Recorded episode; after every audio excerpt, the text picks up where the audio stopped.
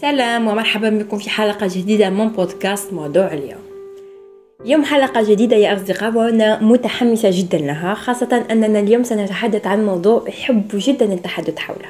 اليوم سنتحدث عن المرأة فكما تعرفون اليوم هو 8 مارس وهو اليوم الموافق لليوم العالمي للمرأة وهو يوم للاحتفال بكل الإنجازات الاجتماعية الاقتصادية الثقافية والسياسية للمرأة.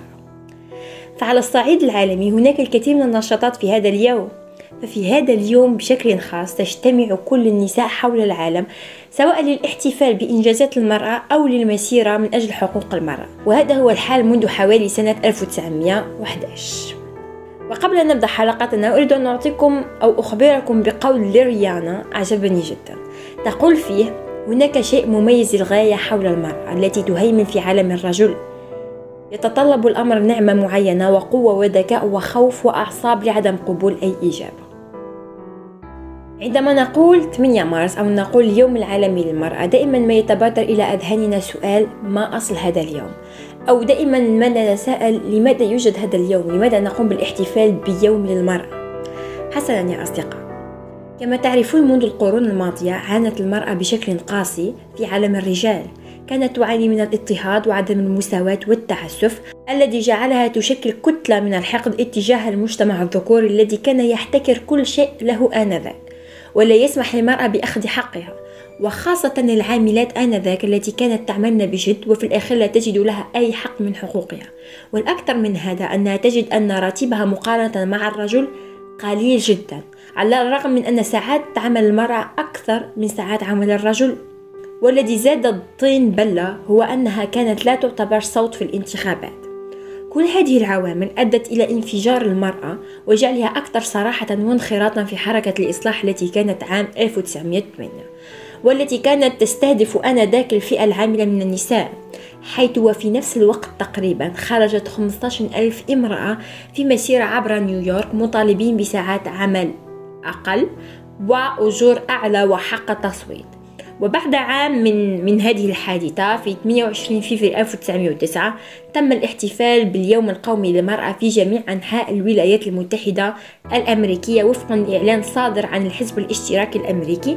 وحتى عام 1913 استمرت النساء بالاحتفال باليوم الوطني للمرأة في يوم الأحد الأخير من شهر فيفر ولكن هذا التاريخ تغير خلال المؤتمر الدولي الثاني للنساء الاشتراكيات في عام 1910 في الدنمارك.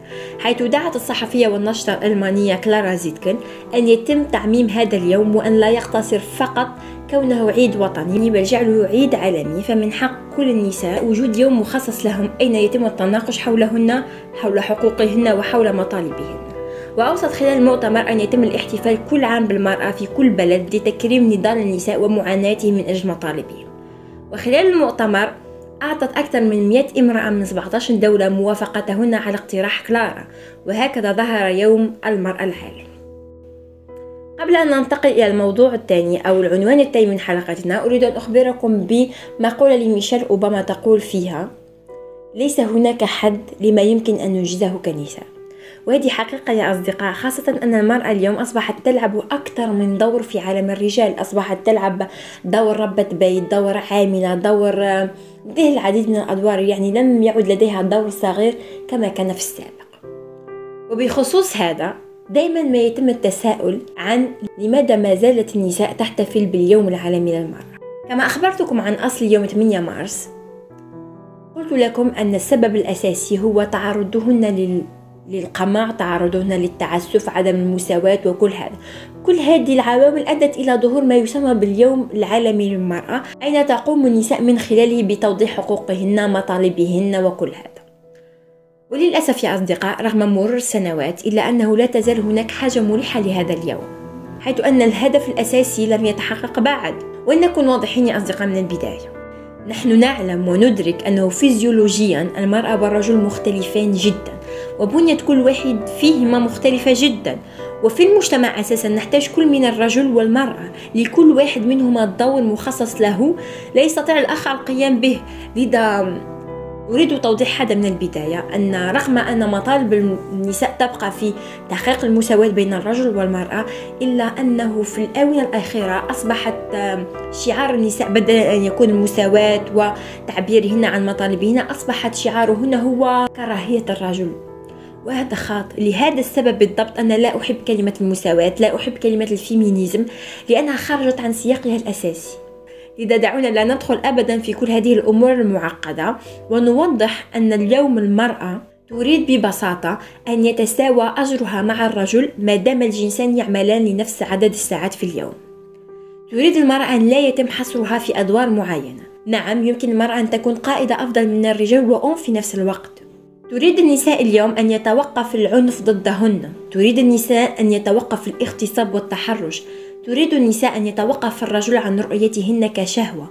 أي ببساطة يا أصدقاء ما تريده المرأة اليوم هو الاحترام والتعامل معها بجدية فبعيدا عن كل هذا ورغم مرور سنوات كما قلت لكم سابقا لا تزال النساء متخلفات عن الرجال فيما يتعلق بالتعليم الرعاية الصحية كذلك فيما يخص حضانة الأولاد. وفي الواقع قد يكون الاحتفال اليوم أكثر إلحاحا من أي وقت مضى حيث أشارت البيانات العالمية الصادرة عن هيئة الأمم المتحدة أن خلال فترة الحجر الصحي عادت المرأة إلى نقطة البداية أي عادت 25 سنة للوراء حيث نتيجة قيام النساء بكامل الأعمال المنزلية والرعاية الأسرية وحسب البحث الذي أجرى إحصاء النساء الميتات حدثت 16 حالة قتل بسبب العنف المنزلي لنساء وأطفال في الأسابيع الثلاثة الأولى من الإغلاق في المملكة المتحدة وحدها. كما تأثرت الرعاية الصحية كثيرا بالإغلاق.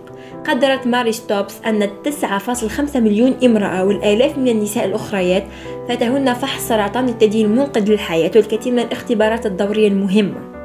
ولنتفق أن الوضع لم يكن أفضل بكثير قبل الوباء حيث تشير الأبحاث إلى أن النساء مثقلات ب 16 مليار ساعة من العمل غير المأجور الذي يتم القيام به كل يوم في جميع أنحاء العالم.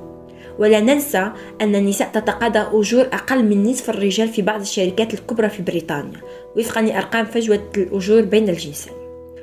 وحقيقة أنا أتساءل إذا كانت هذه الأرقام في الدول المتقدمة أين تذكر المرأة المجتمع بوجودها بشكل يومي؟ فكم يمكن أن تكون المرأة مضطهدة في البلدان العربية؟ وعندما ننظر إلى واقعنا العربي اليوم فما زال إلى الآن ينظر إلى المرأة كونها جهاز جنسي مصنع للأطفال. فلا يمكن اعتبار الأبحاث التي تشير لآلاف النساء الذين ماتوا من الاغتصاب فقط. القتل المنزلي التمييز العنصري غير موجودة وكل هذه الأبحاث تجعلنا نتذكر أننا ما زلنا في عالم أين يتم التقليل من النساء على الرغم من أن لديهن دور مهم جدا في المجتمع. على الرغم من وجود هذا اليوم اليوم العالمي للمرأة منذ الكثير من السنوات يعني من 1911 ما زال هناك جدال قائم حول هذا اليوم. حيث تنقسم الآراء عموما حول ما إذا كان اليوم العالمي للمرأة مفيدا أم لا. على الرغم أن هناك الكثير من الإشادة بها من قبل الكثيرين لزيادة الوعي ببعض أوجه عدم المساواة إلا أن هناك الكثير من انتقدها لتركيزها فقط على المرأة ليوم واحد وبالتالي السماح للناس بتشاؤم قضايا حقوق المرأة في الأيام الآخرين. فبالنسبة للمرأة يا أصدقاء الجدل الأساسي هو غياب التوعية في أيام السنة واقتصارها على يوم واحد. أما بالنسبة للرجل فجدله هو عدم فهمه إذا كان سبب هذا اليوم هو الاحتفال أم الاحتجاج. وتساؤله عن سبب كل هذا الغضب اتجاه الرجال. يعني أريد أن أرى تعليقاتكم أو رأيكم حول هذا اليوم في التعليقات.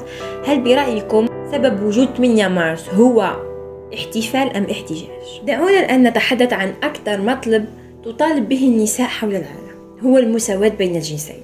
ولكن قبل هذا دعونا نتذكر ما قالته إيما واتسون.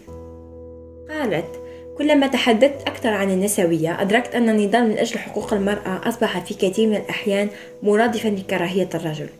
إذا كان شيء واحد أعرفه على وجه اليقين فهو أن هذا يجب أن يتوقف. حسنا يا أصدقاء. ندرك جميعا أن واحد من أكثر المطالب التي تطالب بها النساء حول العالم هو المساواة بين الجنسين. وانظروا المساواة بين الجنسين ليست فقط حقا أساسيا من حقوق الإنسان ولكنها أساس ضروري للعالم لكي ينمو بالسلام وازدهار واستدامة الحمد لله كان هناك تقدم على مدى العقود الماضية فيما يخص حقوق النساء. فالمزيد من الفتيات يذهبن إلى المدرسة. يتم إجبار عدد أقل من الفتيات على الزواج المبكر. يعمل المزيد من النساء في البرلمان والمناصب القيادية ويتم إصلاح القوانين لتعزيز المساواة بين الجنسين. لكن على الرغم من كل هذا لا تزال هناك العديد من التحديات تواجه المرأة. فلا تزال هناك قوانين تمييزية وأعراف اجتماعية منتشرة. لا تزال المرأة تمثل جزء صغير على جميع مستويات القيادة السياسية. وتبلغ واحد من كل خمس نساء وفتيات تتراوح أعمارهن بين 15 و 49 عام تعرضهن للعنف الجسدي أو الجنسي من قبل شريكهن أو أشخاص غرباء في غضون 12 شهر وأظن أن هذا أصبح أكثر انتشارا الآن خاصة أن أننا أصبحنا نسمع بالكثير من الحالات المنتشرة حسنا ما هي الأهداف من حملة المساواة بين الجنسين؟ الكثير من الرجال دائما ما يقولون أن هذا الطلب المساواة بين الجنسين طلب غبي جدا وأنه حتى لو تساوى تساوى كل شيء بين الجنسين يعني تساوت الأجور تساوت ساعات العمل إلا أن المرأة لن تستفيد شيء. حسنا. الأهداف من هذه الحملة يا أصدقاء هو إنهاء جميع أشكال التمييز ضد جميع النساء والفتيات في كل العالم وفي كل مكان. القضاء على جميع أشكال العنف ضد جميع النساء والفتيات في المجالين العام والخاص بما ذلك الاتجار والاستغلال الجنسي وأنواع أخرى من الاستغلال. كذلك القضاء على جميع الممارسات الضارة. مثل زواج الأطفال الزواج المبكر إلى آخره. كذلك الاعتراف بالعمل المنزلي والرعاية غير المدفوعة الأجر وتقييمها من خلال توفير الخدمات العامة والبنية التحتية والسياسات الحماية الاجتماعية وتعزيز المسؤولية المشتركة داخل الأسرة المعيشية والأسرة حسب الاقتضاء على الصعيد الوطني. كذلك ضمان المشاركة الكاملة الفعالة للمرأة وتكافؤ الفرص للقيادة على جميع مستويات صنع القرار في الحياة السياسية الاقتصادية والعامة كذلك أصدقاء ضمان حصول الجميع على الصحة الجنسية والإنجابية والحقوق الإنجابية على النحو المتفق عليه وفقا لبرنامج عمل المؤتمر الدولي للسكان والتنمية ومنهاج عمل بيجين والوثائق الختامية للمؤتمرات. أظن أنه يجب علينا أن نولي اهتمام أكثر للصحة الجنسية والإنجابية خاصة نحن في الجزائر ليس لدينا الكثير من الثقافة حول هذا الموضوع وليس هناك الكثير من الحقوق التي تحمي المرأة في خصوص بخصوص هذا الموضوع. كذلك يا أصدقاء إجراء إصلاحات لمنح المرأة حقوقا متساوية في الموارد الاقتصادية. كذلك اعتماد وتعزيز سياسات سليمة وتشريعات قابلة للتنفيذ من أجل تعزيز المساواة بين الجنسين وتمكين جميع النساء والفتيات على جميع المستويات. وهناك الكثير من الأهداف الأخرى. يقول باولو كويلو كل النساء لديهن تصور أكثر تطورا من الرجال. لذلك كل النساء بطريقة ما بعد تعرضهن للقمع لآلاف السنين انتهى بهن الأمر بتطوير الحاسة السادسة والتأمل والحب وهذا الشيء يصعب علينا قبوله كجزء من مجتمعنا. بين قوسين الذكوري في الأخير يا أصدقاء في نهاية هذه الحلقة دعونا نتذكر دائما أن هدف المرأة ليس التقليل من الرجل أو إلغاء دوره اجتماعيا وليس حتى التقليل منه. إنما يكمن هدف المرأة في احترامها واعتبارها فرد له امتيازات وله حقوق وعليه واجبات. انظروا يا أصدقاء نحن المجتمع الإسلامي أساسا لدينا تشريعات إسلامية تبين دور كل واحد فينا وتبين يعني المساواة حسب النظر الإسلامي. وكل ما تحدثنا عنه خاصة في مجال احترام المرأة عدم تعريضها للعنف عدم تعريضها للاعتداء الجنسي عدم تعريضها للكثير من الأمور أساسا كل هذا موضح في القرآن. يا أصدقاء دعونا نتذكر في الأخير نحن نساء علينا أن نكون سند لبعضنا كي نصل إلى حقوقنا. لا أن نحارب بعضنا من أجل أسباب لا أظن أنها بتلك الأهمية. فمثلا نحن في كثير من الأحيان نقول المجتمع الذكوري انظروا. لقد قرأت في كتاب مؤخرا يعني هذا الكتاب يعرف حتى لما لا أستطيع إكماله. ولكن في الجزء الأول من الكتاب تحدث عن المجتمع الذكوري وكيف أن النساء تريد أن تكون آه، تحول هذا المجتمع إلى مجتمع إناثي إلى آخره. وفي الأخير يعني في, في آخر شرحه ذكر أن اليوم لم يعد على المجتمع الذكوري أي خطر وعلى الذكور بشكل خاص أي خطر لأن النساء تقوم بمحاربة النساء بالفعل. لذا ليس على الرجل أن يتدخل. إذا بدل من محاولة محاربة بعضنا بعض دعونا نحاول أن نكون أكثر تفاهم نكون سند لبعضنا كي نصل حقا إلى ما نريد بشكل أسرع. وهذه هي حلقتنا اليوم يا أصدقاء. نتمنى أنكم استمتعتم نتمنى أنكم استفدتم. وشيء قبل أن تنتهي يمكنكم دائما أن تقرأوا مقال موضوعنا اليوم فالرابط في الأسفل ونلتقي في حلقة قادمة إن شاء الله.